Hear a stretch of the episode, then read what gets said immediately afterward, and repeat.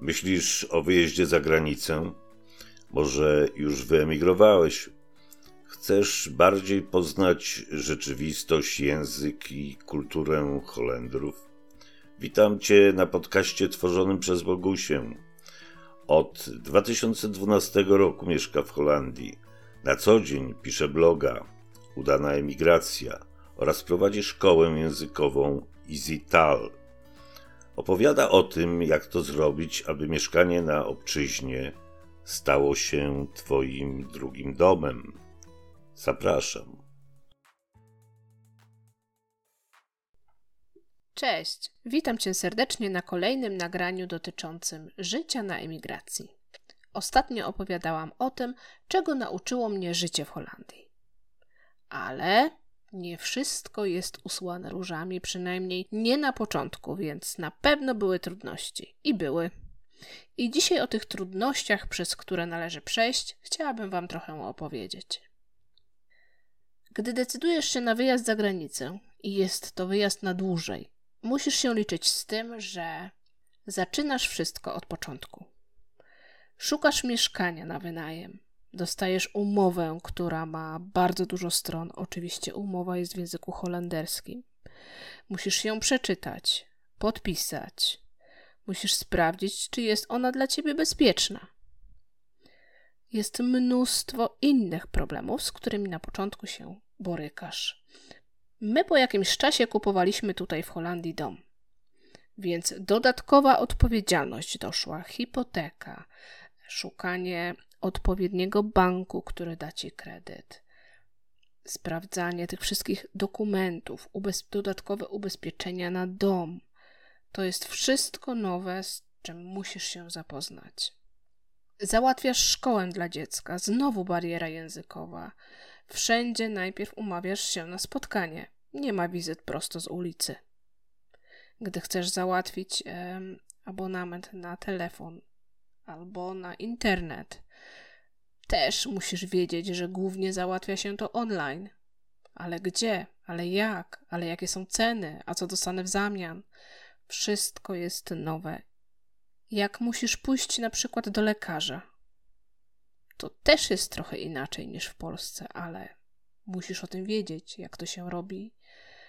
No wiecie, na początku popełnia się błędy, ale z biegiem czasu człowiek się wszystkiego nauczy. Chodzi mi o to, że na każdym kroku musisz się dopasować.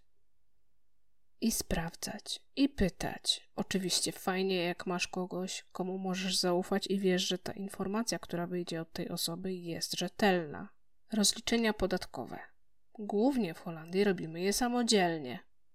Ale jak nie wiesz, jak to zrobić, no to musisz znowu poszukać osobę, która to potrafi zrobić, albo poszukać firmę, która to zrobi i zapłacić pieniądze. To jest wszystko takie dosyć skomplikowane jak na początek. I ja tutaj mówię o tym początku pierwsze tak naprawdę tygodnie. Bo jak przyjeżdżasz do Holandii, to co? Szukasz mieszkania, szukasz pracy, albo już tą pracę masz, no ale musisz gdzieś mieszkać i załatwiasz szkołę dla dziecka. Jak załatwiasz szkołę dla dziecka, to oczywiście, co za tym idzie, też musisz załatwić lekarza e, rodzinnego, bo to jest wszystko ze sobą powiązane. Nawet powiem Wam, że takie proste sprawy jak wysłanie listu, jak kupno biletu na autobus czy na pociąg, kupno znaczka, pójście do fryzjera, to wszystko jest tutaj inne. Sprawdzasz, jak to jest z ubezpieczeniem na siebie, z ubezpieczeniem potem, jeżeli kupujesz to na dom, na dzieci.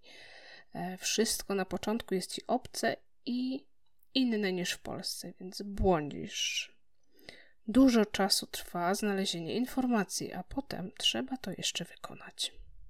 Co zrobić, jak ci się coś popsuje, na przykład zlew albo w ogrodzie wybija ci woda ze studzienki? No też musisz zadzwonić do spółdzielni i oczywiście rozmawiasz tam po holendersku. Mówisz dokładnie, jaki zgłaszasz problem, chociaż ostatnio e, proszą, żeby wszystko zgłaszać online. Więc logujesz się, klikasz odpowiednie okienka tam, żeby wybrać e, sprawę, której to dotyczy. To wszystko jest takie trochę inne niż, e, niż w Polsce, albo szukasz osoby, która ci to naprawi. No i oczywiście musisz wiedzieć, co się popsuło, Musisz wiedzieć, kogo poszukać, gdzie poszukać. Kolejna sprawa, kolejna trudność, przez którą należy przejść, to rozstanie z, z najbliższymi. Jeżeli masz w kraju, w którym aktualnie mieszkasz, rodzinę, rodziców, przyjaciół, to rozstanie jest bardzo odczuwalne. Ważne jest, aby utrzymywać ze sobą kontakt. Tęskni się za tym, aby pojechać do swojej ulubionej koleżanki, z którą łączą was wspólne wspomnienia. Nie odwiedzisz rodziców, gdy tylko masz na to ochotę, a gdy ktoś z twoich najbliższych zachoruje, to nie możesz tam pojechać na długo. To są takie dosyć ciężkie sprawy. Jeśli chodzi o przyjaciół i rodziny, na przykład, gdy chcesz się z nimi spotkać, to musisz się z nimi umówić na kilka miesięcy do przodu. Ale to ma swoje dobre cechy, ponieważ doceniasz każdą chwilę, którą spędzacie ze sobą. Nie ma miejsca ani czasu na kłótnie. Rozstanie dla osób, które mają silną więź z rodziną i z przyjaciółmi, może być trudne. Kolejna sprawa to aklimatyzacja. Po takiej euforii, że wszystko jest inne niż w Polsce i wydaje się no, na początku, że wszystko jest fajniejsze i wszystko jest lepsze, przychodzi taki moment, kiedy zyskujesz pełen obraz. Spadają ci te różowe okulary i bucha w ciebie rzeczywistość. Najczęściej dzieje się tak, gdy zaczynasz już co nieco rozumieć, jeśli chodzi o język.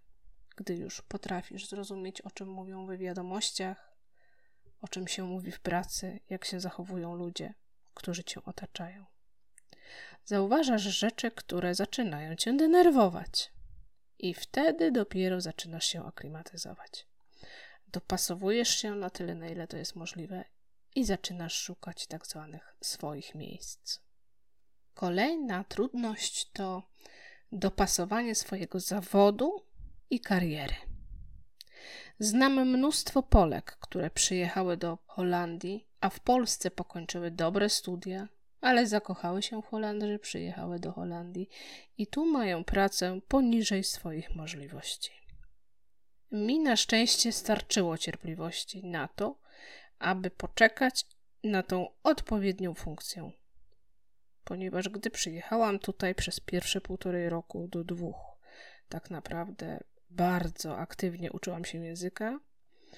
No i wiedziałam, że jak nauczę się języka, to będę chciała iść do pracy. Po dwóch, lat, po dwóch latach udało się znaleźć tą pracę, ale przypominam sobie też taki moment, kiedy zanim udało mi się znaleźć pracę, miałam taki ciężki etap, bo chciałam iść do każdej pracy, do obojętnej, do jakiejkolwiek pracy, jaka by była. No ale na szczęście zadzwonił telefon. Pracuję tam do dziś i pewnie jeszcze trochę popracuję. Często wyjazd za granicę związany jest z pracą poniżej swoich możliwości. Oczywiście no, nikt nie mówi, że to nie może się w przyszłości zmienić. I co mam na myśli? Że emigracja to nie zawsze awans społeczny. Czasami to obniżenie swoich wartości. Wszystko zależy od tego, jaki cel sobie obraliście, przyjeżdżając do Holandii. Kolejna rzecz. Żyjesz tak trochę tu i tam. Jesteś taka trochę polska i trochę holenderska. Masz taką trochę podwójną tożsamość. Z jednej strony słuchasz, co tam w Polsce, a z drugiej strony, co mówi król. Nigdzie tak do końca człowiek nie czuje się na 100%. Piąta rzecz to sprawy urzędowe i prawne.